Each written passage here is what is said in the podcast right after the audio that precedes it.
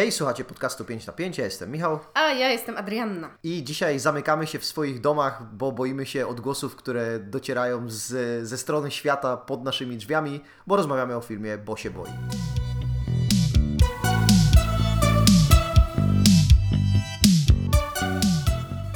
Czemu Ari Aster tak długo y, czekał z wypuszczeniem nowego filmu? Bo się boi. to jest, ale to jest w ogóle tragiczny żart, ale bardzo lubię jakby to, że możesz wykorzystać ten polski tytuł, który zawiera to bo, jako wiesz, tam... Tak, podstawę do e, robienia godziny tragicznej komedii. Tak, tak, tak. No, a czy tragiczna komedia to nie jest też trochę to, o czym będziemy zaraz rozmawiać? Ależ tutaj zrobiłaś tak zwane angielskie segway, czyli przejście. Ari Aster, e, znamy go z dwóch poprzednich filmów. Jeden to Dziedzictwo Hereditary, czy Hereditary Dziedzictwo? E, dziedzictwo Hereditary. Okej, Tak a, jak wiesz, nie Green Knight, Zielony Rycerz, to akurat jest w drugą stronę.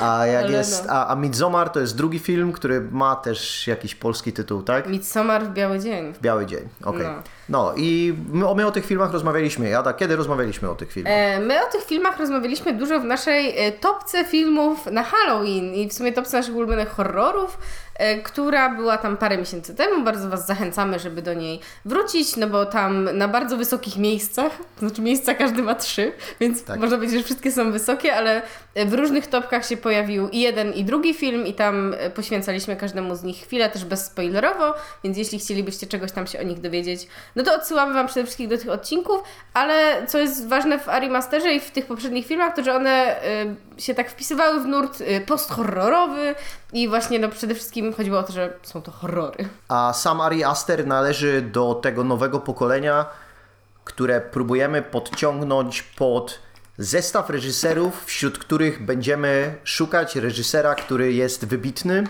i który będzie z nami siedział przez kilkanaście czy nawet kilkadziesiąt lat i zostawi nam jakieś dzieła, które będą, wpiszą się po prostu do historii kina. I mam wrażenie, że do tej ekipy należy na przykład e, Robert Eggers albo Jordan Peele? albo Jordan Peele, albo e, Boże, Damien człowiek- Chazelle? Damien Chazelle, człowiek, człowiek od It Follows jeszcze cały czas, Robert David Mitchell, David Robert Mitchell. Robert David Mitchell. W każdym razie tych, tych ludzi jest tam kilku, którzy pretendują do tego miana, ale powiedziałbym, że właśnie obok Jordana Pila, który odniósł sukces zarówno komercyjny i wpisujący się do popkultury robiąc film Get Out, to, Uciekaj. to Hereditary i Midsommar są uznawane za, e, za takie filmy, które gatunkowo, ja nie, nie wiem, czy można je nazwać wybitnymi, ale na pewno gdzieś tam zebrały ze sobą taką kultową ocenę, bo są świetnie przygotowane zarówno estetycznie, przerażają w niektórych miejscach, a do tego e, no nie boją się, he, boją się, nie boją się tego, tego takiego czasami głupkowatego humoru, który Ari Aster wprowadza do, do swoich dzieł, e, co, czego też dużo pojawi się w naszej rozmowie o Bo dzisiaj. Tak, myślę, że te dwa poprzednie filmy bardziej są e, wokół tematów jakby straszności i, i rzeczy krypnych i tego, co nas przeraża, a w, bo się boi, Ari Aster idzie jednak bardziej w klimat tej takiej czarnej komedii i trochę napierdalania w bohatera wszystkim, co, może się stać, ale o tym też za chwilę w sumie przy Ari Masterze warto też wspomnieć o jego stałym współpracowniku i operatorze, który jest tutaj polskiego pochodzenia, bo wiecie, polskie akcenty są ważne, e, czyli Paweł Pogorzelski, który robił zdjęcia póki co do wszystkich jego filmów i Bo się boi nie jest tutaj wyjątkiem. Bardzo mi się podoba, że przypadkiem zabrzmiałaś jak e, każda sportowa relacja z jakiegokolwiek wydarzenia, która zaczyna się. No i mamy tutaj taki polski akcent, bo na Wimbledonie piłeczki podaje. Wiadomo, że teraz jak jest Iga, no to, to nie jest tak, ale, ale zawsze jest polski akcent wspomniany. Bo gówniara z paletką biega, no. Tak, tak, Paweł Pogorzelski robi zdjęcia. Biega z aparatem. No. Tak, to, to ciekawe, że powiedziałaś, że rzeczy dzieją się bo, bo mam wrażenie, że albo że rzucane są w stronę bo, bo to jest jakby chyba jedno, wywinie, jedno z wywinięć, które ten film nam proponuje, ale ja bym chciał jeszcze taką tezę zostawić na początek, że Ari Aster bardzo mocno, obojętnie jeśli traktujemy jego filmy jako horrory, to on i tak bardzo mocno zarysowuje temat, który nam chce poruszyć. No bo Hereditary jest gdzieś tam o upadku rodziny, która jest poruszona tragedią i o tej o trudnej rodzinie. Midsommar to jest film, który jest po prostu o zerwaniu. No i wiadomo, oczywiście jak normalny człowiek podchodzi do tego, jak mówić o zerwaniu, to muszą się do wybrać do kultu w Szwecji, w którym ludzie umierają spadając ze skały, kiedy kończą kilkadziesiąt tam lat, nie pamiętam dokładnie ile to było. E, I teraz, e, bo się boi, to To jest taka trochę psychoanalityczna analiza neurozy, e, nerwicy natręstw, e, jakichś takich mocnych problemów psychicznych, no oraz e, dziwnych relacji z matką, czyli ten temat jest zarysowany, ale to, co dzieje się w samym filmie, to próbuje robić wszystko, żeby nam ten temat w pewien sposób gdzieś tam ukryć czy, czy podeprzeć jakimiś wizualiami. Tak, no i może zanim do tego przejdziemy, powiemy trochę skąd ten temat jeszcze wyrasta, bo wspomnieliśmy o tych dwóch e, pełnometrażowych filmach Astera, które najbardziej gdzieś tam dały się, dały jakby jemu pole do tego, żeby publiczność go poznała Tak. e, i gdzieś tam się z nim e, opatrzyła, ale on wcześniej zrobił dużo filmów krótkometrażowych. Jeden z nich jest taki dosyć znany The Strange Thing About the Johnsons, który Mhm. ma taki bardzo kontrowersyjny temat, ale żeby, żebyście obejrzeli, to wam nie zaspoileruję. Wiele z jego Jest, jest dostępny na, na YouTubie. tak, w ogóle wiele z jego shortowych filmów jest legalnie dostępnych e, w internetach, są też nielegalnie gdzieś dostępne, ale większość jest legalnie, więc jakby polecamy to, jeśli chcecie sobie Astera nadrobić e, zarówno w pełnym i w krótkim metrażu. E, No ale są takie dwa szczególne filmy, które jakby tutaj tematycznie jakoś wyrastają. No pierwszy z nich nazywa się po prostu, uwaga, Bo, w sensie. Tak, tak jest.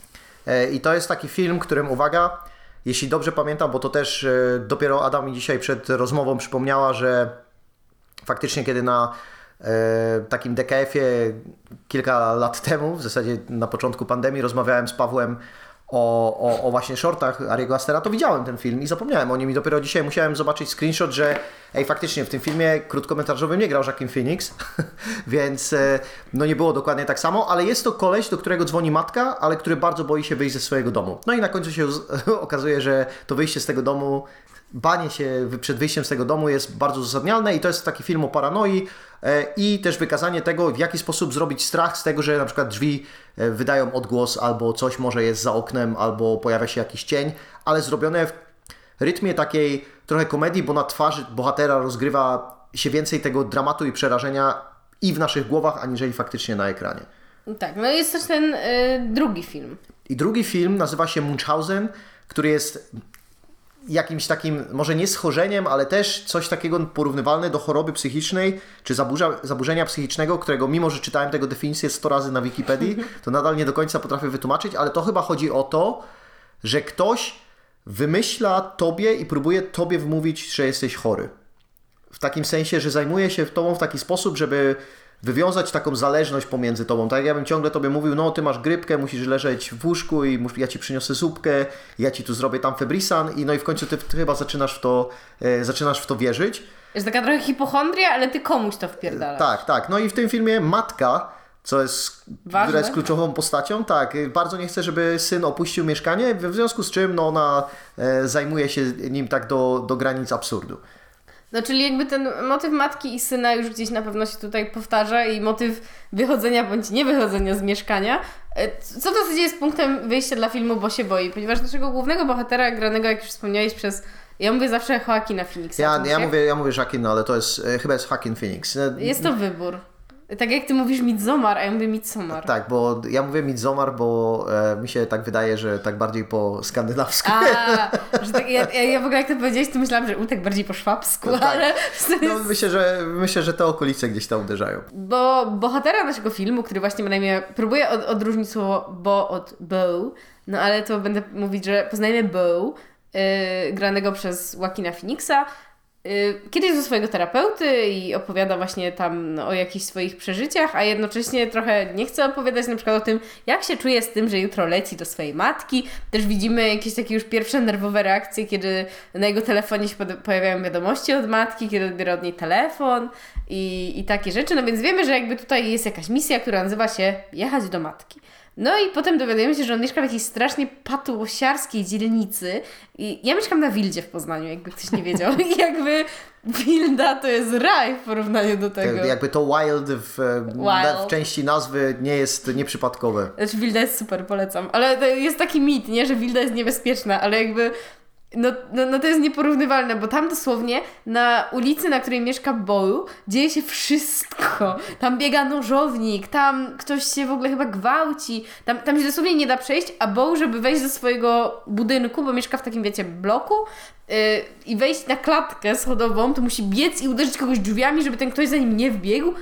Szalone rzeczy. Wiesz co, to jest mam wrażenie, taka reprezentacja, wiesz, ona, ona w kontekście filmu wynika trochę inaczej, bo, bo potem pewnie dojdziemy do tego momentu, że co jest zaplanowane, a co nie jest zaplanowane e, i skąd, skąd pewne rzeczy się biorą, ale jeśli ktoś ma taki paranoiczny umysł i na przykład tylko ogląda i czyta wiadomości, które koniecznie mu chcą przekazać, że jedyne co się na świecie dzieje to są gwałty, morderstwa, włamania, ćpuństwo, e, seks e, dziejący się w każdym zakątku ulicy, szczury wybiegające z, z, w zasadzie z każdego zakątka. I jak tylko wyjdziesz z chaty i jej nie zamkniesz, to ktoś ci do tej chaty wejdzie i kurwa nasra ci na środek pokoju.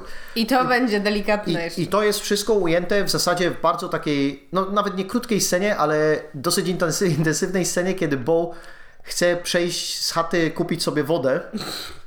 I mija te wszystkie rzeczy, te, te całą... E, ten, ten cały grzech tego świata, który odbywa się tylko na tej jego jednej ulicy. Mam wrażenie, że to jest dobrze oddane, jak umysł kogoś, kto po prostu mocno boi się świata, w, w jakim miejscu widzi wszystkie zagrożenia, bo ty normalnie idziesz po takiej ulicy i w pewnym momencie wyłączasz sobie takie impulsy, które, na które przestajesz reagować tylko dlatego, że coś się na ulicy dzieje, bo wiesz, cień się poruszył, albo idzie jakaś osoba, która wydaje ci się podejrzana, to odseparowujesz to od tego, że funkcjonujesz normalnie, a prawdopodobnie są osoby, które tego nie mogą wyłączyć, w związku z czym ten świat może tak wyglądać i uważam, że to jest e, bardzo ciekawie przedstawione. Tak, to jest w ogóle jakby początek tego filmu trzymał mnie najbardziej w tym, że ja miałam wrażenie, że Ari Aster tutaj postanawia robić horror z tego, że temu człowiekowi dzieje się wszystko, co on jakby mógłby sobie myśleć, że najgorszego się wydarzy. Bo tak. zawsze masz coś takiego, że jak się czegoś boisz zrobić, to wiesz, jaka jest na najgorsza jakby wersja tych wydarzeń, nie? Która... I, i wszystko, co robi, bo kończy się najgorzej. Tak, dokładnie, nie? W sensie, bo robi tak małą rzecz, jak zostawienie kluczy w drzwiach na sekund pięć i oczywiście, że ktoś mu te klucze zapierdala. Oczywiście, że właśnie tak jak powiedziałeś, ktoś mu wchodzi do mieszkania, kiedy zostawia je otwarte. E, on oczywiście, kiedy połyka tabletkę, do której akurat trzeba koniecznie popić wodą i nie ma tej wody, no to już czyta, że będą najgorsze tam skutki ever i, i musi wyjść po tą wodę. I jakby każde jego działanie jest y, połączone tak, żeby on zawsze miał ten najgorszy możliwy skutek dla niego i też, żeby wszyscy go za wszystko winili, chociaż rzeczy ewidentnie nie są jego winą. Na przykład to, co się dzieje na początku, kiedy y, on dostaje karteczki y, pod drzwiami, że ma ściszyć muzykę. Mhm. Tam nie ma żadnej muzyki.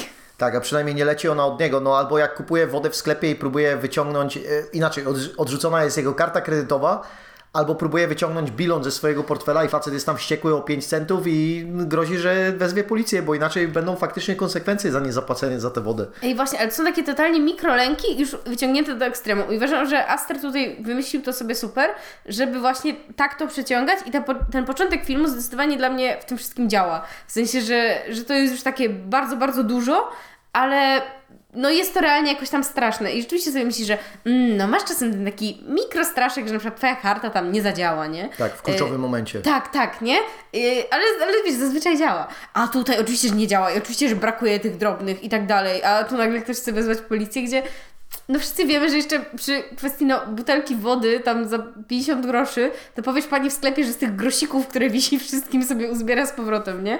Ale tutaj to się nie dzieje.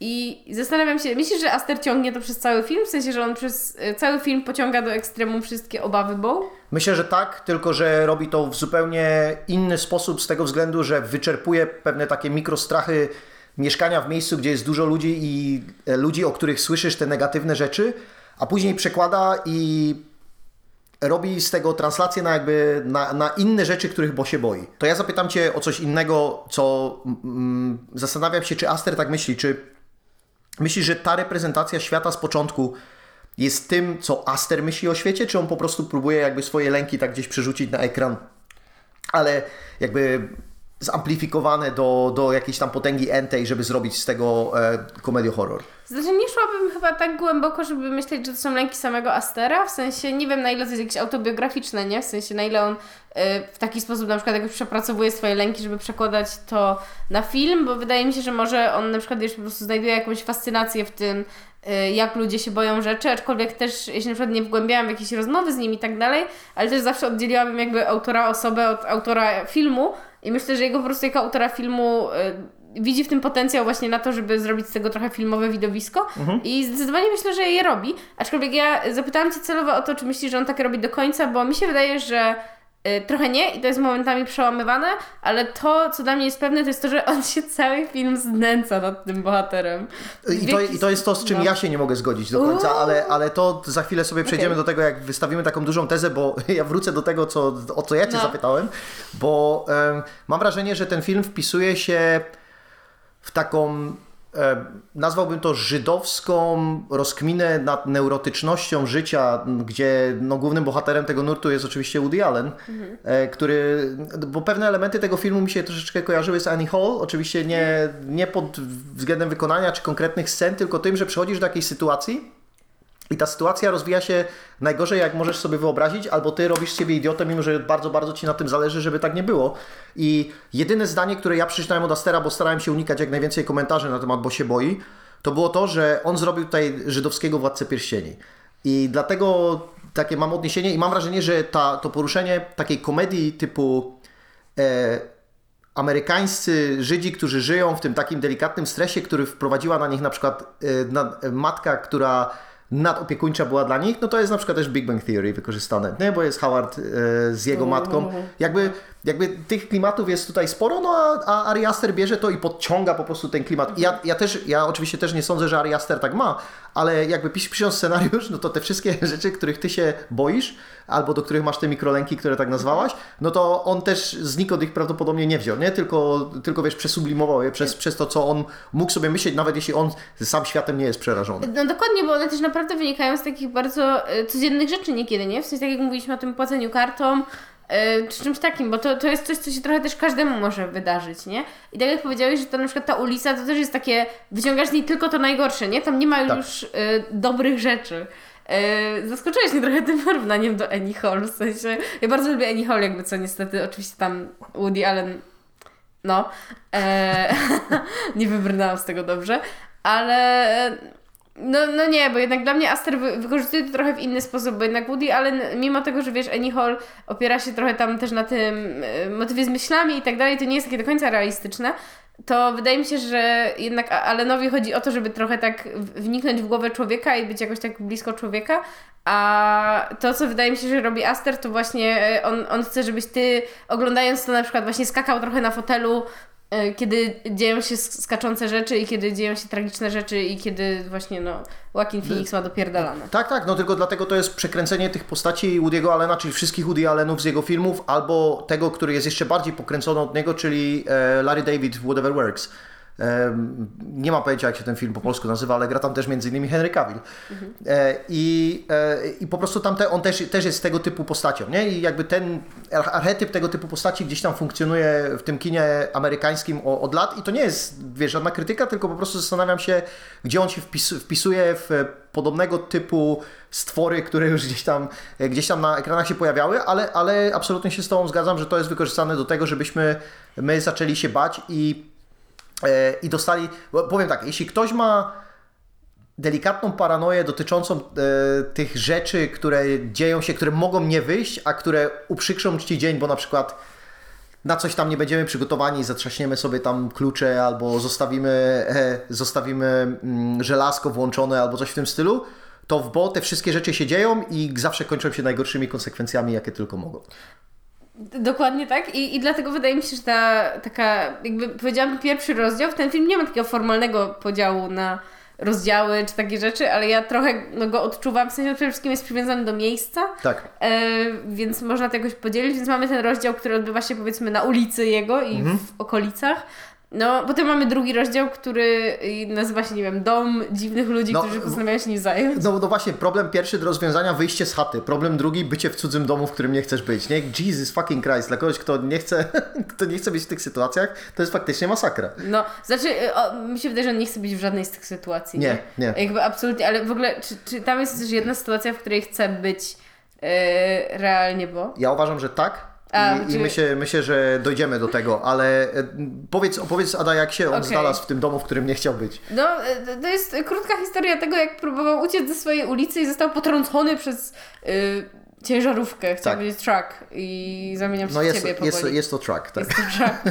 e, przez ciężarówkę, którą e, kierował niejaki Roger, e, który wraz ze swoją żoną Grace, która również wtedy z nim jechała, postanowili, że oni przygarną Bo. I Bo, który w tamtym momencie biegał nagi po tej ulicy i uciekał przed nagim nożownikiem i został przez niego zaatakowany, ale tylko e, w ten, bo ten nożownik uderzał w dwa miejsca.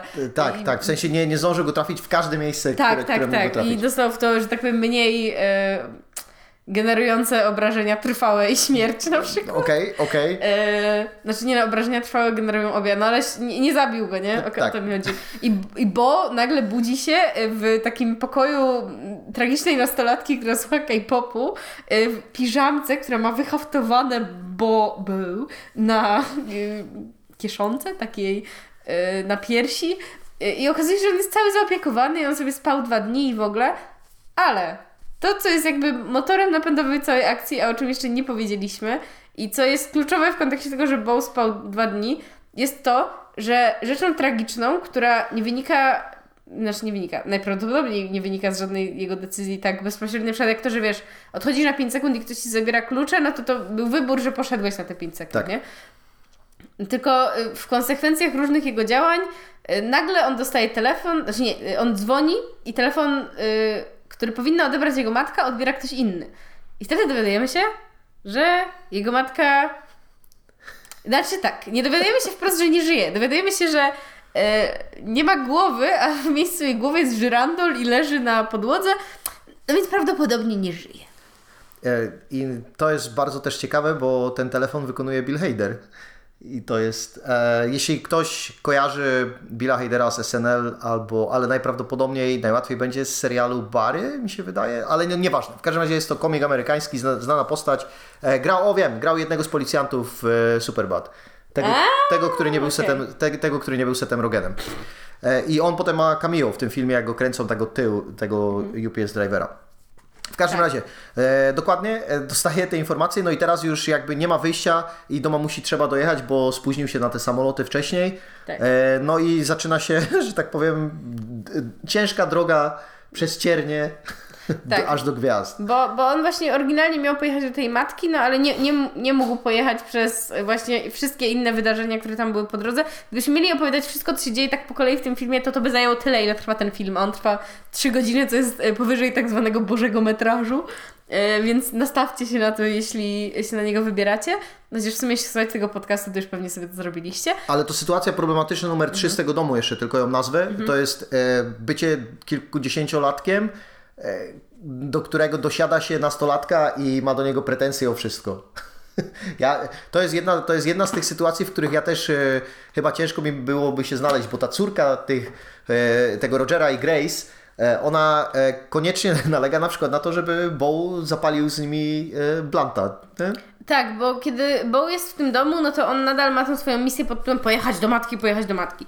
E, no i tam ten Roger i Grace są tacy, no dobrze, ale ty musisz wydobrzeć i oni są w ogóle tacy, a my się tobą zajmiemy. No i oni mają córkę, Toni. I Bo właśnie zostaje jakby w jej pokoju, a ona ma spać na kanapie. Bo oczywiście jest tam turbo niekomfortowy z tym wszystkim. I to, a Toni jest tylko wkurwiona, bo jest nastolatką. I Toni w pewnym momencie mówi, dobra, ja cię zawiozę i właśnie wpierdala go do auta wraz ze swoją przyjaciółką. I wtedy ona go tak przymusza do zapalenia e, blanta, a jeszcze wtedy on jest nagrywany. I to był dla mnie punkt e, dosyć ważny, bo to był punkt, kiedy mnie już zmęczyło to, że Aster się nad nim pastwi. W sensie, że on się pastwi nad tym swoim bohaterem, bo już miałam takie trochę okej, ale bo, bo, bo tego, tego, że ta Junia mu każe palić tego blanta, no to, to już realnie jakby trochę nie ma sensu. I to jest takie trochę wyjęte też poza trochę całą akcję, bo to ani nie doprowadza nas nigdzie. To jest dosłownie tak, że oni biorą samochód, wyjeżdżają, on jest przymuszony do tego palenia blanta. No, no i co? I trochę się pokrztusił. Ale chodzi mi o to, że dla mnie też było takie, że no, no wiecie, jak ktoś nie pali, nie żebym ja paliła blanty, nie? Ale jakby no bo po prostu chodzi mi też, dla mnie to było już takie bez sensu, bo wcześniej, chociażby w tej sekwencji w domu, wszystkie te rzeczy trochę z siebie wynikały. W sensie te rzeczy, które złe działy się yy, no miały jakiś taki duży ciąg przyczynowo-skutkowy i, i to nadawało tempo i tak dalej.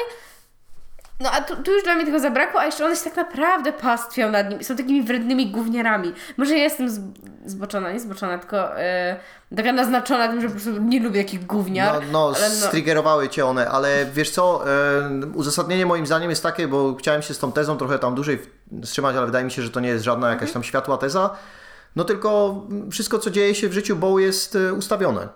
No i to jest jakby potwierdzone na przykład, że patrzymy na jakąś tam sekwencję zdjęć w domu e, u matki i okazuje się, że Roger jest pracownikiem tej firmy.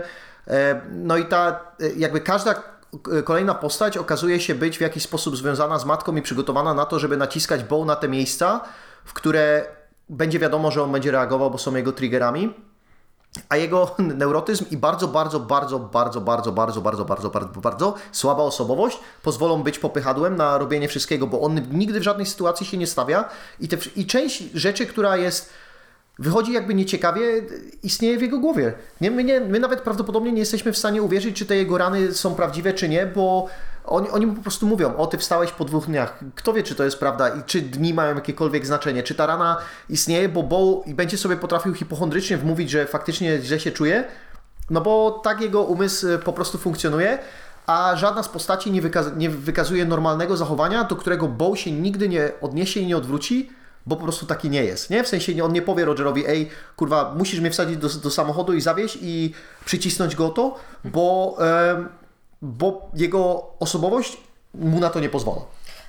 No ja na przykład nie mam z tym jakby jakiegoś, yy, nie mam problemu z tym, że jego osobowość na to mu nie pozwala, bo dla mnie to też było takie trochę logiczne, bo no tr trochę jakby może to jest zbytnie ściąganie na ziemię filmu, który zupełnie przy tej ziemi nie jest, no ale wiesz, kurwa, no jesteś w czyimś domu randomowo i masz jeszcze ty na kogoś napierać, że macie zawieść te 6 godzin gdzieś tam do jakiejś matki, w sensie trochę jakby chodzi mi o to, że on mógłby być bardziej self-made manem i bardziej jakby zrobić na przykład, okej, okay, ja muszę się tam jakoś dostać, ale no w sumie to czemu ten wieśniak ma mi zrobić taką przysługę? No, no to jest prawda, tylko że oni jakby sugerują i proponują różne rzeczy, ale w ogóle ta, ta sytuacja jest jakby totalnie nienaturalna od no. samego początku, bo wiesz, on mógłby powiedzieć, ej, wy, ej, sorry, ale musicie mnie wypuścić ze swojej chaty, bo ja nie jestem waszym adoptowanym synem, bo mam 47 lat, jestem no. dorosłym człowiekiem. No ale to, wiesz, każda sytuacja, w której on się pakuje jest coraz dziwniejsza, bo potem trafiamy do problem neurotycznego człowieka, yy, który jest przyzwyczajony do życia w pewnych okolicznościach, czyli zmierzenie się z naturą, bez, tak. bez przygotowania. Rozdział trzeci nazywa się Las, no bo w, w pewnej konfrontacji właśnie ze swoimi e, przyszywanymi rodzicami, Rogerem Grace, ich wieśniarą córką Tony i mieszkającym na ich podwórku osiłkiem też z odzysku Jeevesem, e, no, Bo ląduje w lesie. I tu jest sekwencja, która wydaje mi się taka najbardziej, że e, Bo ten blunt trochę zrobił w głowie. Mhm. Jest taka trochę delira, trochę taka, to się mówi faza chyba? Ja nie wiem, ja mam 35 lat, więc ja już nie będę używał takich określeń. No. E, no, więc wchodzimy do lasu, w którym Bow jest odnaleziony przez kobietę w ciąży, która prowadzi go do takiej, nie wiem, czy można powiedzieć sekty? Tak, tak, znaczy y, ona ma, ona ma takie wajby trochę e, z tych ludzi, którzy mieszkają w Midsommar, ale tym bardziej, o. tym razem to jest taka trupa teatralna, która porusza się trochę jak w takiej, nie wiem, średniowiecznej Anglii, czyli jeździ z miasta do miasta i wystawia sobie jakieś przedstawienie. Tutaj oczywiście oni mają jakąś tako, jakiś taki cykl, mówią, że cała ta ich podróż się po prostu kończy jednym przedstawieniem, które oni robią. Ta grupa wygląda w ogóle bardzo profesjonalnie, jest założona tam przez jakiegoś kolesia, wszyscy mają dobre kostiumy, ta scena robi duże wrażenie, efekty specjalne są naprawdę dobrze i, i, te, i ci aktorzy, którzy występują w tych rzeczach, też radzą sobie całkiem nieźle. No tak, a to wszystko też ma taki właśnie vibe, wiesz, e, pochodzenia od natury i tego, że oni zmieniają te miejsca i budują to w lesie i tak dalej i że to jednak jest takie, wiesz, e, przy przyrodzie wszystko. No ale Bo tam e, zaczyna oglądać przedstawienie, które właśnie jest takie mega wciągające. Jakkolwiek no, myślisz sobie, że film, który ma 3 godziny, musicie wciągać chyba przez cały czas, żebyś się nie wynudził, to dla mnie ta faza właśnie, znaczy ta faza, chodzi mi o jakby tę część filmu, mm -hmm. w której wchodzimy w przedstawienie, miała właśnie przez tą taką trochę szkatułkowość sobie coś takiego, że ja naprawdę tam wsiąknęłam i kiedy jest ten moment, kiedy przedstawienie się kończy, to byłam taka, u, Okej. Okay, no to jest, to jest mój absolutnie ulubiony fragment tego filmu, mm -hmm. jeśli, bo on pokazuje e, moc Astera w budowaniu wizualiów i opowiadaniu historii z naprawdę bardzo podstawowych fragmentów e, z tych, z tych elementów składowych historii, bo on tam mówi, że no istniał sobie kiedyś człowiek, którym, który miał żonę i który miał dzieci i im wszystko szło super i on tam założył osadę i tak dalej, ale potem zaczął tracić, a potem gdzieś poszedł, a potem zgubił te dzieci i to wszystko jest opowiadane z takim baśniowym polotem, ale jednocześnie co jakiś czas jest wtrącony taki żart z normalnej rzeczywistości, który śmieje się trochę z e, osobowości Bow, e, tej prawdziwej.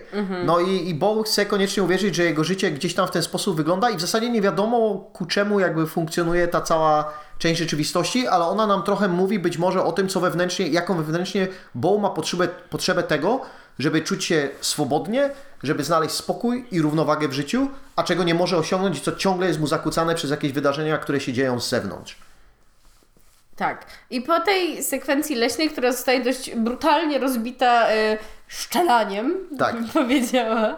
Y, Bo Czy ironiczne nie jest, że Francuz, do którego przyjechał Hans Landa e, na początku filmu Inglourious Basterds, e, nastraszyć go i żeby znaleźć i wystrzelać całą jego rodzinę, teraz przyjeżdża do takiej trupy, która się próbuje e, która się próbuje odseparować od społeczeństwa, przychodzi i wystrzeliwuje i rozgranatowuje ją całą. my, myślisz, że to jest takie tutaj intertekstualne nawiązanie? Nawet jeśli nie istnieje naprawdę, ja je znalazłem i dlatego nie istnieje. A n- myślę, że znaczy myślę, że jest walidne, nie? W No. sensie można, można sobie przeprowadzić taką paralelę pod tytułem to jest ten typ, którego wysyłamy na rozstrzeliwanie grup marginalizowanych. Ale wykorzystanie tego faceta, e, który w Inglourious Basterds miał taką przerażoną minę po tym, żeby stał gdzieś tam w oknie i ty go zauważasz przez chwilę Jest, i, i no. to, e, to, to jest, bo on ro- robi dobrą minę, a potem się zaczyna dobijać do tych drzwi i tych okien i, i wiesz, biegnie na ciebie jak ten Terminator, to też jest taka scena trochę jak z Get Out, jak biegli, e, biegli na głównego bohatera e, e, ci mieszkańcy tego, tej posiadłości. E, no nie wiem, no, to wszystko rozmawia ze sobą w jakiś sposób. No tak, myślę, że jakby wiesz, współczesne kino bardzo lubi takie tutaj jakby postmodernistyczne zabawy z, ze skakaniem i takie, no wiesz, szu- szukanie tych nawiązań to jest też trochę to, co Aster na pewno robi w tym filmie, w sensie, że nawet jeśli to jest, wiesz, jakieś nie nie bardzo świadome czy coś, albo to jest tylko właśnie taki mały pstryczek, że wiesz, Niewiele osób to zauważy, nie? Na przykład, że o, to jest ten sam typ, co był właśnie w Tak. Bękartach Wojny, gdyby ktoś nie zjadł tytułu Inglourious Bastards, e, to to jest ten film. Więc po szczelaniu, nie strzelaniu, e, Bow no, wydostaje się cudem z lasu i łapie e, stopa po prostu, gdzie jakiś człowiek dowozi go w końcu do e, miejscowości, gdzie jest jego matka, która w ogóle, bo Bow się nazywa Wasserman, jego matka nazywa się Bona Wasserman. Mona. Mona, a ja powiedziałam Bona, nie? Tak, bo ona to Kurwa, jest królowa Polski. Tak, tak, Bona stworza, co przywiozła włoszczyznę. To nie o nią mi chodziło. Chodziło mi o Monę, jak y, w Przyjaciołach y, biedną dziewczynę Rosa, ale y, a ta wiocha się też nazywa Wasser, kurwa. Ja nie wiem, czy ta, to nie było trochę powiązane z tym, że jakby biznes tej matki funkcjonował w tym mieście i wiesz, to jest tak jak ta zwała w Severance, że miasto się nazywa od korporacji i tak dalej, i Tak, tak, tak, dalej. no myślę, że to, to na pewno też było jakoś e, powiązane, no i też jakoś tak e, no, podbija tą nierealność tego świata. No i jak wiemy, to Bow spał dwa dni i w ogóle to on już w sumie był dzień spóźniony na ten pogrzeb i w ogóle też ta presja e, pogrzebu była tam jakaś duża, bo jakkolwiek wydaje mi się, że tak e, właśnie w tym normalnym żyćku, to jakby no wiadomo, że chcesz jak najszybciej zorganizować tutaj czynności pogrzebowe, ale nie ma tak, że jakiś obcy człowiek się napierdala, że to jest tam hańba dla rodziny, jeśli to się nie wydarzy dzisiaj. No ale A tutaj... tutaj ten jego prawnik, e, sorry, prawnik Tak, tej no. matki zjebuje go, jakby był jego starym, nie? Że, Tak, on tam, tak, że, że no. to jest wstyd, że to jest absolutnie, że co on robi, e, hańbę przyniósł całej rodzinie. No, do, dokładnie. No i on w końcu przynosi tą hańbę, e, bo no, nie dojeżdża na czas i wchodzi tam w momencie, wiesz, zwijania krzeseł i takich, takich, ale w środku leci taśma z pogrzebu i tam w ogóle też jest to zdanie, że y, syn, którego ona tak kochała, Tak. nie raczył się pojawić. I, I tu w zasadzie docieramy do takiego trochę sedna filmu, Chociaż y, po drodze mamy też właśnie y, rozwiązanie, no bo matka teoretycznie leży w trumnie, tylko że na miejscu jej głowy jest żyrandol. Ciekawe dlaczego. I dosłownie wiecie, to, to nie jest tak, że na twarzy jest żyrandol i tam jest twarz, tam nie ma głowy. I to pada też wcześniej, że ta głowa wyparowała, co no, jest ważne. Y, I po drodze wyjaśnia nam się też wątek takiego zdjęcia y, na Polaroidzie, które Bo ma, y, które przedstawia dziewczynę, która się nazywa Elaine. Bo to, to się okazuje, że to jest jakaś taka chyba jego pierwsza miłość. To, to splećmy tutaj może dwa No. takie wątki, bo mamy jeszcze mm, powroty w czasie, gdzie młody, wyglądający bardzo, bardzo dziwnie aktor, e, który gra młodego Bow, e, jest na rejsie z matką i na tym rejsie jest tylko jedno jeszcze dziecko i to jest dziewczynka, która jest w takim jego wieku i ta dziewczynka jest taka hej do przodu, kiedy, podczas kiedy z Bow już zaczynają wyłazić te wszystkie natręctwa No. i, i ona oświadcza, że oni się kochają. tak. I, ma, I on ma na nią czekać przez całe życie, aż ona do niego nie dotrze. E, tak, no czekać też, że tak powiem, wstrzemięźliwie seksualnie, Tak, e, tak. co jest wa- zachować celibat w pewien sposób, e, dopóki ona tam mu się aby nie odda. E, tak, i to już, e, to już właśnie gdzieś tam od tych lat dziecięcych zostaje zaznaczone. E, I ona się pojawia w ogóle, na, w sensie też się pojawia jeszcze bardziej niż był spóźniona na pogrzeb. E, I Bo wtedy, uwaga, wykonuje coś, czego chyba wcześniej trochę nie robił, czyli tutaj jest trochę rozmowa jest trochę taka akcja bardziej z jego strony wyciągnięta, która najprościej mówiąc no jest trochę do tego, żeby oni się jednak e, pobliżyli. Gdzie za chwilę z filmu wychodzi, że on tak naprawdę wie, że to nie jego, że jego matka żyje.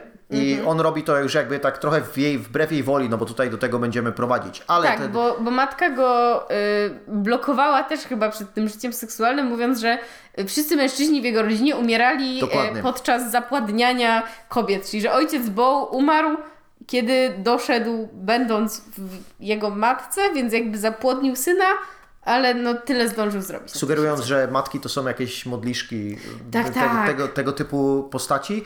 No i jeszcze mamy też taki rekurencyjny sen, który pojawia się u Bo, czyli on jest w wannie, ale widzi swoją postać, która jest zaciągana przez matkę do tej wanny, ale nie chce do tej wanny iść, więc matka wyciąga schody z, ze strychu i wstawia go na te schody. I, no i teraz dostajemy takie pytanie, czy co, czy istnieje wiele wersji Bo, czy, czy Bo ma wspomnienia jakiejś innej osoby. No i tutaj tych, tej gry, którą prowadzi z nami Ari Aster, do, dokładamy jakby kolejne elementy układanki, które teoretycznie mogą do siebie nie pasować, ale wydaje mi się, że można je dokładnie poskładać ze sobą. Tak, no i, i momentem, w którym jakby dochodzi do konfrontacji, jak już powiedziałeś, e, matka jednak żyje. e, I kiedy dochodzi do konfrontacji Bow z matką, jest to kiedy on właśnie no, uprawia seks z Eleni i. Eleni? Elaine. Elaine. El- Eleni to jest taka grecka piosenkarka, która w Polsce robiła dużą furorę, śpiewając e, takie chrześcijańskie piosenki. Ło, a dla mnie to jest bohaterka filmu Absolvent. Elaine, Ale okej. Elaine, okej. Nie, no, Eleni chyba. Nie wiem. Nie wiem, Elaine, okej, Elaine. Enej, no, zespół. Enej, tak, e, zespół Enej. No. Zespół Enej.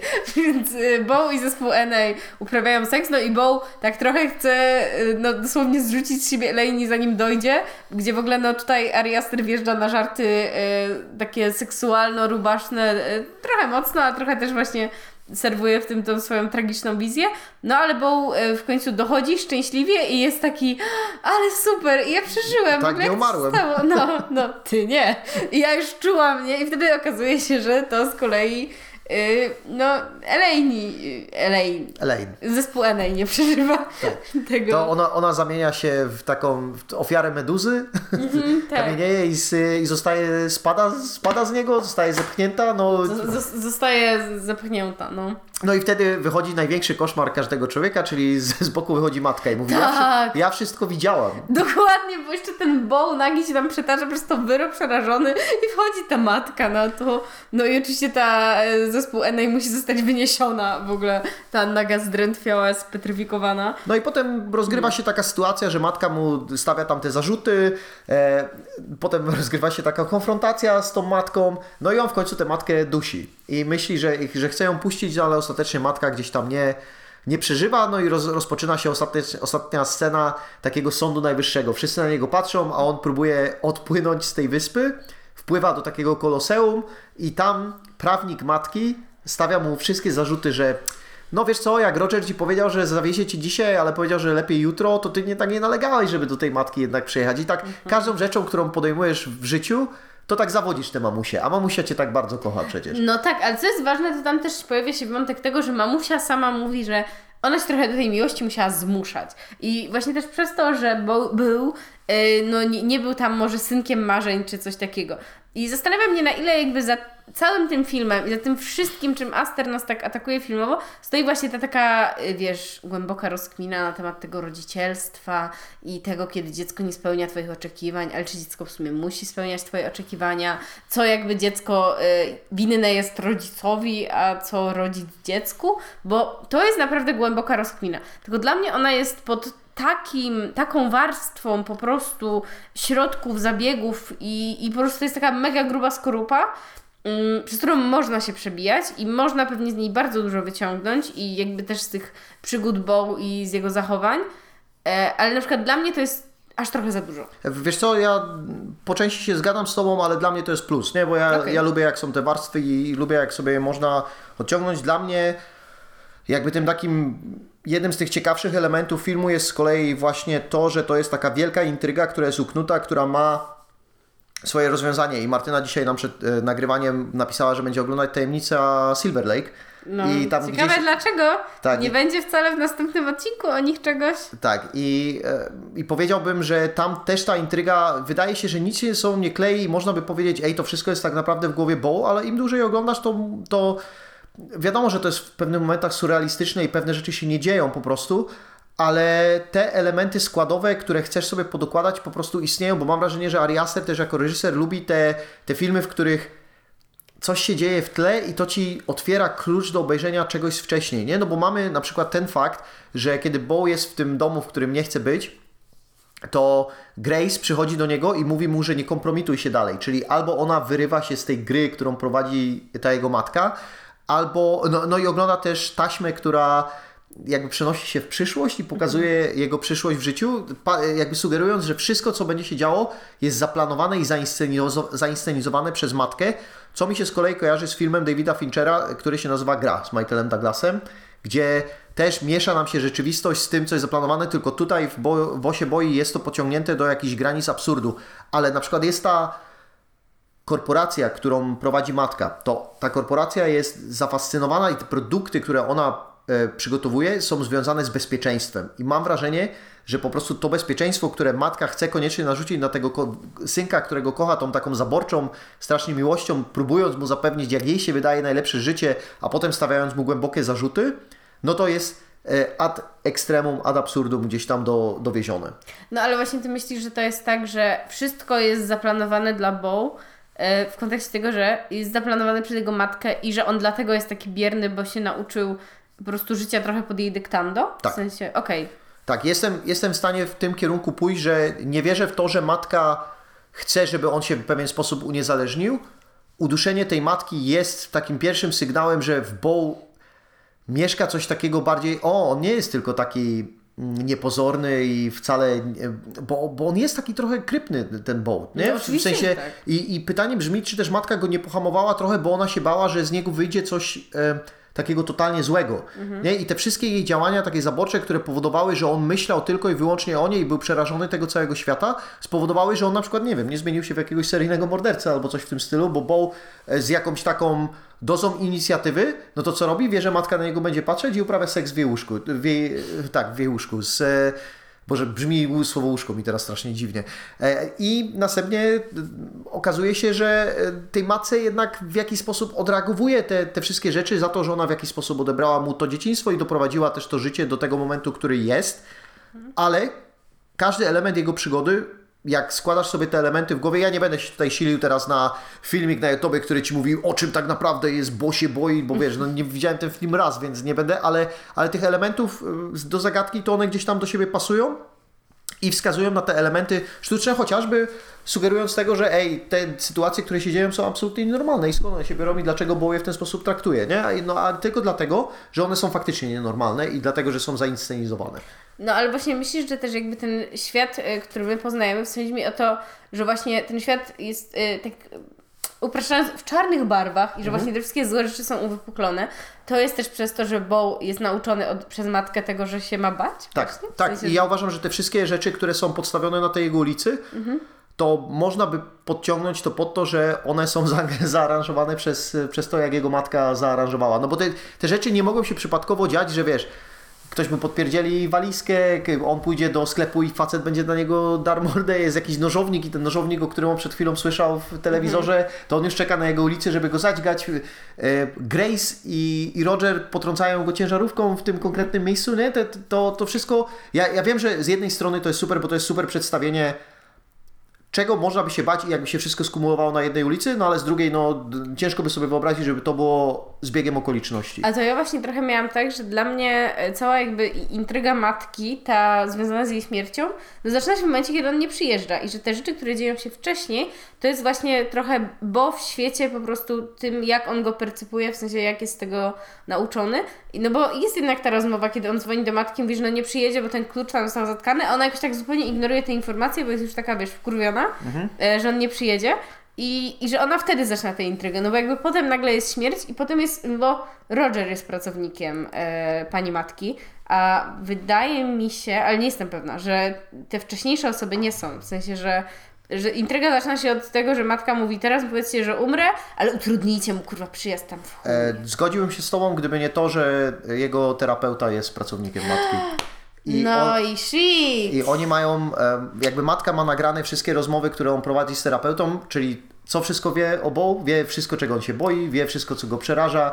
I na przykład, wiesz, mogę wyobrażam sobie taką sytuację, gdzie on jest na tej terapii i mówi, no bo tam słyszałem o tym nożowniku i strasznie się go boję, albo e, facet na mnie krzyknął w sklepie, albo coś w tym stylu. I ten terapeuta jeszcze tam z uśmieszkiem przekazuje matce te, te wszystkie informacje, no bo on się pojawia nawet w tych ostatnich scenach w domu jego, e, jego matki. Tak. Jak o tym myślę dalej, to jednak nie przekreśla mojej interpretacji, bo ten terapeuta jakby.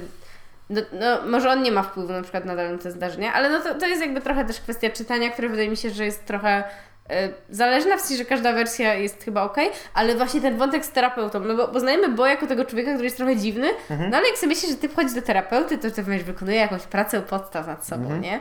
E, a w sumie to jest w ogóle dopiero strach, nie? Że twoja matka usłyszy rzeczy, o których Tak. rozmawiasz ze swoim terapeutą. O kurwa, to ten seks w łóżku matki to jest nic przy tym. No to to jest, to jest jakaś resublimacja tego, że on powiedział o tej swojej matce coś nieprzyjemnego i ta matka ma, wiesz, ten jeden fragment zaznaczony, że zobacz, tu mi powiedziałeś, że coś mi zawdzięczasz, a reszta to tylko mnie zjechałeś od góry do dołu. No czyli to, to jest jakby ta rzecz, o której, która ona chce wiedzieć, co Bo o niej myśli i to jest bardzo sadystyczne, bo, bo ona się, jak on idzie na terapię i próbuje rozwikłać te problemy, to ona musiała się zanurzać i zanurzać i zanurzać w tych wszystkich kwestiach, które Bo poruszył o swojej mamusi, które nie mogły być dobre, no bo one rozpierdoliły mu życie od początku do końca. No właśnie, no i jakby w- sumie nie, nie wiem, czy jesteśmy w stanie w tym filmie dojść do tego, wiesz, jaka jest geneza tego, bo w sumie tam pada wcześniej to, że y, Mona mówi, że ona nie chciała być taką matką, jak była jej matka, no ale w sumie wyszła na gorszą matkę. No, no nie wiem, genezą, genezą z tego jest żart z tego, że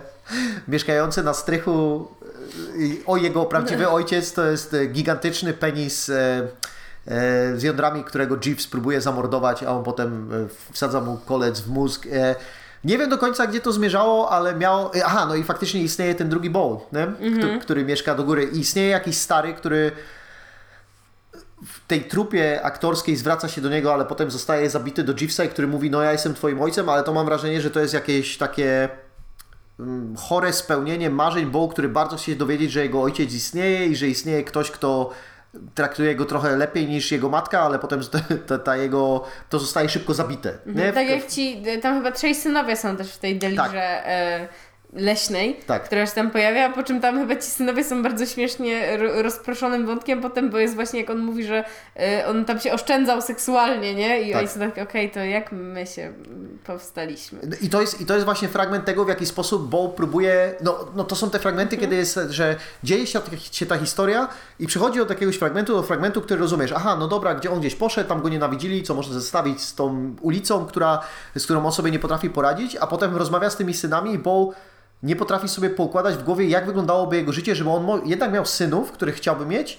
Ale z drugiej strony nie może uprawiać seksu, który, no to kto niepokalanie poczęcie począł trzech synów, gdzie on nie uprawiał seksu, no trochę, trochę coś się przestaje sklejać w tej jego historii, którą on sobie wyobraża o swoim życiu, gdyby ono miało sens i które by było uwolnione spod wpływu jego matki. To też mogłoby być do zrobienia, ale w realnym świecie, a w nim nie jesteśmy. W sensie, nie, nie że niepokalane poczęcie, ale do końca, ale wiesz, jakieś tam e, in vitro, takie rzeczy, ale no. Tak. Y, ale nie, nie, nie, mam zamiaru racjonalizować teraz tych synów, chociaż wszyscy wiemy, że ja trochę lubię być y, przy ziemi. Myślę, że to jest moment, w którym zadam Ci ważne pytanie. Mhm. Lubisz ten film? To jest, to jest e, pytanie, na które ciężko mi odpowiedzieć. Powiem tak.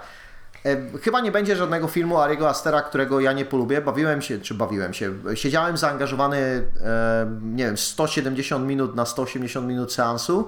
W zasadzie nigdy nie wypadłem z tego filmu, ale mm, chyba Midsommar do mnie przemawiało bardziej pod takim względem, że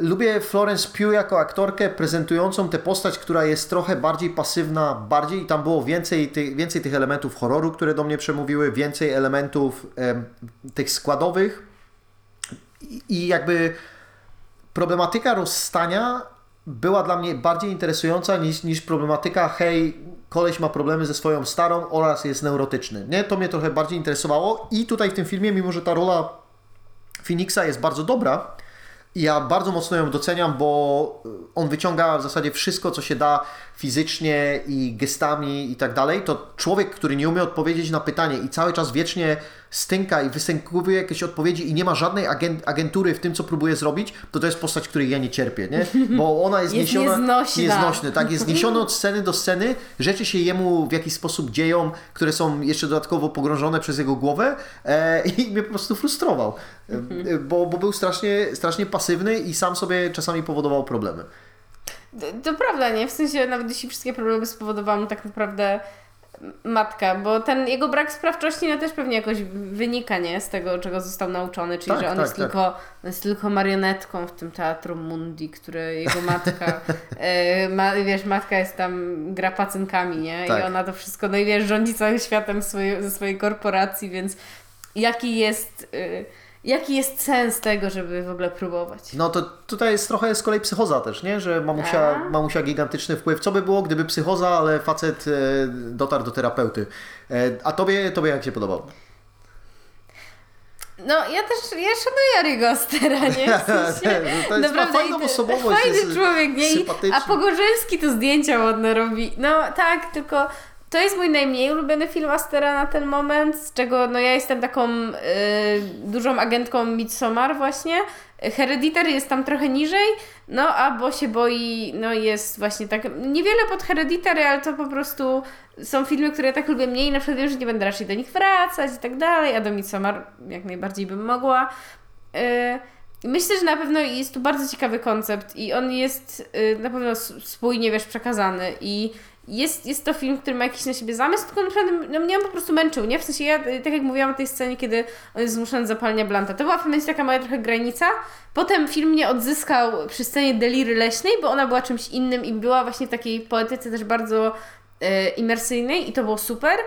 Y, No, a, a finał też jakoś tam był trzymający, ale jednak po prostu czuję.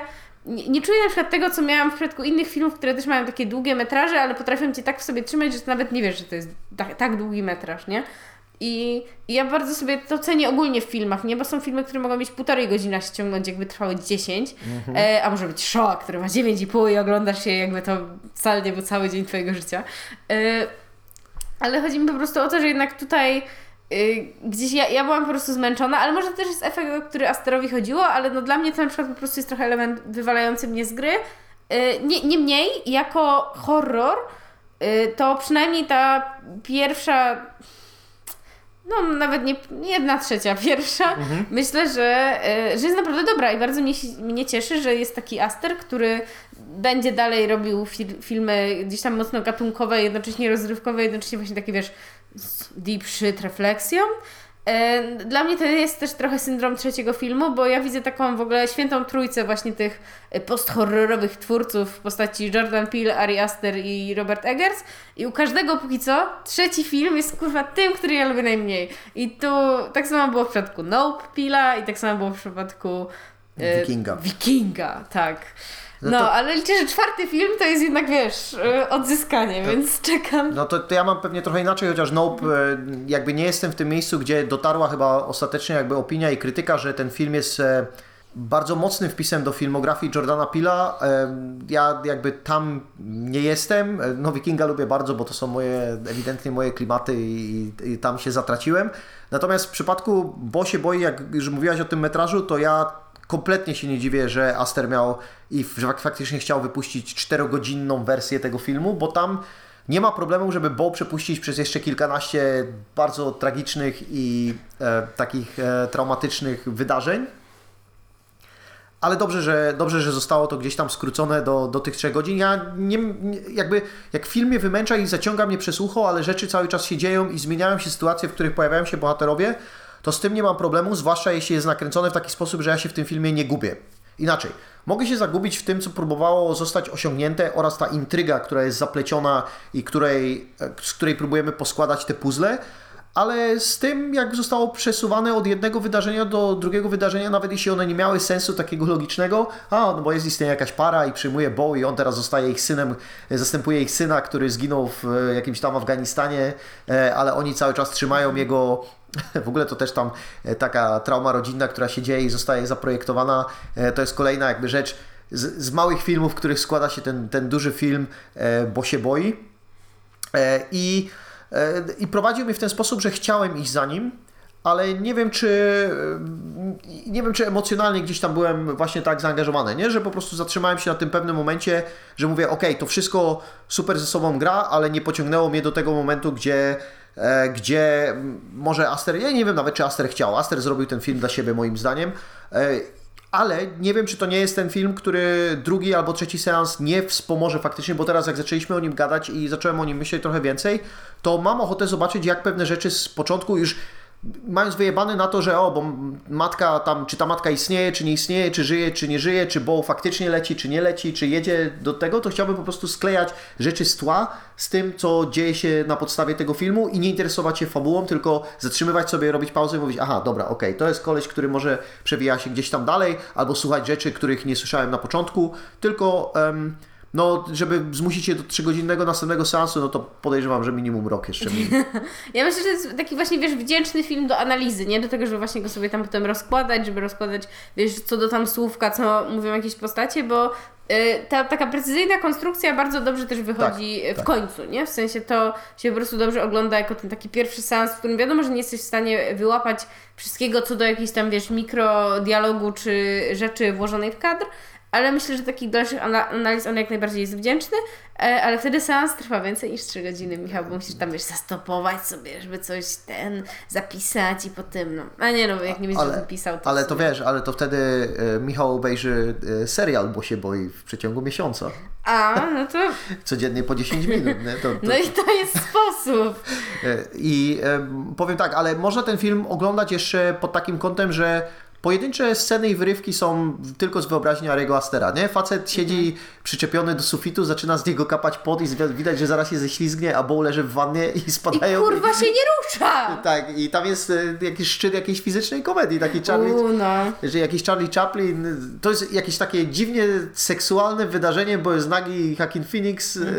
i na którego spadł wielki facet i oni razem się w tej wannie obracają. I potem jak wyskakują z tej wanny, to też tam jest taka trochę, wiesz, e, układ jak no, jednej z prostszych pozycji seksualnych, nie? I się tak obracają, no. I, i ogólnie robi się dziwnie, nie? No i to Asera zawsze robi się dziwnie i to, i to doceniam. No, e, bo się boi ma trochę ten problem u mnie, co nie mhm. oznacza, że to jest jakikolwiek problem, że e, trzygodzinne filmy, w których jest najebane, no to na początku roku oglądałem Babylon, a Babylon nie. jest o rzeczach, które mnie bardziej interesują i jakby wyobraźnia Shazela E, pracuje bardziej, z, rozmawia z historią kina, co oczywiście Aster też robi, nie? no bo mhm. obaj są kinomaniakami absurdalnymi, ale, ale Chazelle rozpracowujący mówiący, dobra, mam jedno, jeden czas w życiu, żeby zrobić film, w którym ktoś pozwoli mi zrobić wszystko i on będzie od początku Hollywood i ja wstawię każdy koncept, który mam w głowie na ekran, e, no to ja wtedy e, kupiłem to bardziej, co nie oznacza, że wiesz, jakbym zestawiał te filmy, to mówię, o jeden jest lepszy albo gorszy od drugiego, tylko Babylon trafił do mnie mocniej pod tym względem, czym ja się interesuję, aniżeli tym, czym interesuje się Ari Aster i tym, czym co przedstawia na ekranie. E, dokładnie, to, to ja mam bardzo podobnie, że po prostu to, to też nie, na przykład, no nie jest do końca po prostu film jakby w obrębie moich zainteresowań, nie? Yy, ale, ale to nie sprawiło, że oglądało mi się go źle na przykład. Więc... Nie, nie, nie, bo zwłaszcza, że no. Ari Aster jest jednak mistrzem, e, jeśli chodzi o warsztat. Tak. W sensie widać, że, kurwa, jak widać, że to wszystko jest pod kontrolą u jednego mm -hmm. i mhm. drugiego, to jest, to jest absurdalne. Ale to jest, to jest, wszyscy ci nowi mają, robią dokładnie to, co, czego sobie życzą. Nic nie wygląda tak, jakby wyszło z momentu improwizacji, nawet jeśli powiedzmy na ekranie jest, ale Eggers, Peel, e, Mitchell, e, właśnie Aster, o których wszyscy tutaj wspominaliśmy, to te filmy mają Kubrickowe stadium kontroli nad tym, co chcą pokazać na, na ekranie i to też oczywiście nie jest e, nazwanie tego, że każdy z nich zostawi po sobie taką filmografię, jak zostawił Kubrick, e, tylko chodzi mi ewidentnie na to, jak oni panują nad tym swoim materiałem, który przygotowują, ale Kubrick też nie nakręcił jakiejś wielkiej ilości filmów, no oczywiście zmarło mu się po prostu za szybko, ale e, patrząc na to i jakie filmy oni są w stanie przygotować, to wydaje mi się, że przyszłość jeszcze przed każdym z panów jest dosyć światła, zwłaszcza, że chyba żaden z nich jeszcze, nie no, Pil ma, ale, ale są blisko czterdziestki. No, więc y, my jak najbardziej będziemy dalej czekać na kolejne filmy Ariego Astera i Bo się boi też polecamy Waszej uwadze i no w zasadzie chyba całą twórczość jego na ten moment, jak y, wszystkich tych młodych chłopaków tam koło 40 właśnie, co, co robią filmy. Ale wiesz co, jeszcze tak mi przyszło w trakcie rozmowy, w trakcie oglądania, że następny pojeb, który musi mieć pełną kontrolę nad swoimi filmami, e, wydaje chyba film w tym roku albo przynajmniej bliżej, czyli David Fincher. Film nazywa się The Killer z Michaelem Fassbenderem i teraz oczekuję go jeszcze bardziej, bo chłopak, znaczy chłopak, e, pan już ma 60 lat, 60 lat, ale wydaje... Do niego już na pan, no. Tak, ale wydaje się, że on wcale nie zwalnia, a, a ta nowa, mm, to nowe pokolenie to jest na pewno takie, które gdzieś tam te inspiracje czerpie z tego, jak Fincher, zresztą wspomniałem film Gra, więc mam wrażenie, że e, chciałbym zobaczyć, czy do, dojedzie poziomem tutaj zainteresowania do tych filmów, które teraz powstają od młodszego pokolenia. No, zobaczymy, czy starzy mistrzowie jeszcze jakby się bawią na tym poziomie co młodzi, czy może to jest jakoś jakby jeszcze w innych trochę poziomach. Tak, Spielberg i Eastwood są jeszcze starsi, ale też energię przykładają. Dają filmów, radę, więc, nie? Tak, dają radę, dokładnie. Nie będziemy skreślać jeszcze starych ludzi. W tym podcaście nie ma ageizmu. Dlatego, że Michał jest stary. Ta, tak jest. Dziękujemy za wysłuchanie kolejnego odcinka podcastu 5 na 5 i zapraszamy na następny. I zapraszamy do obserwowania nas na Instagramie 5 na 5 podcast. A ja też przypominam, że na Spotify można znaleźć pytanie, na które można udzielić odpowiedź i wtedy ona może zostać opublikowana, jeśli taka będzie. I my sobie przeczytamy. A tymczasem dzięki za wysłuchanie i do następnego. Pa!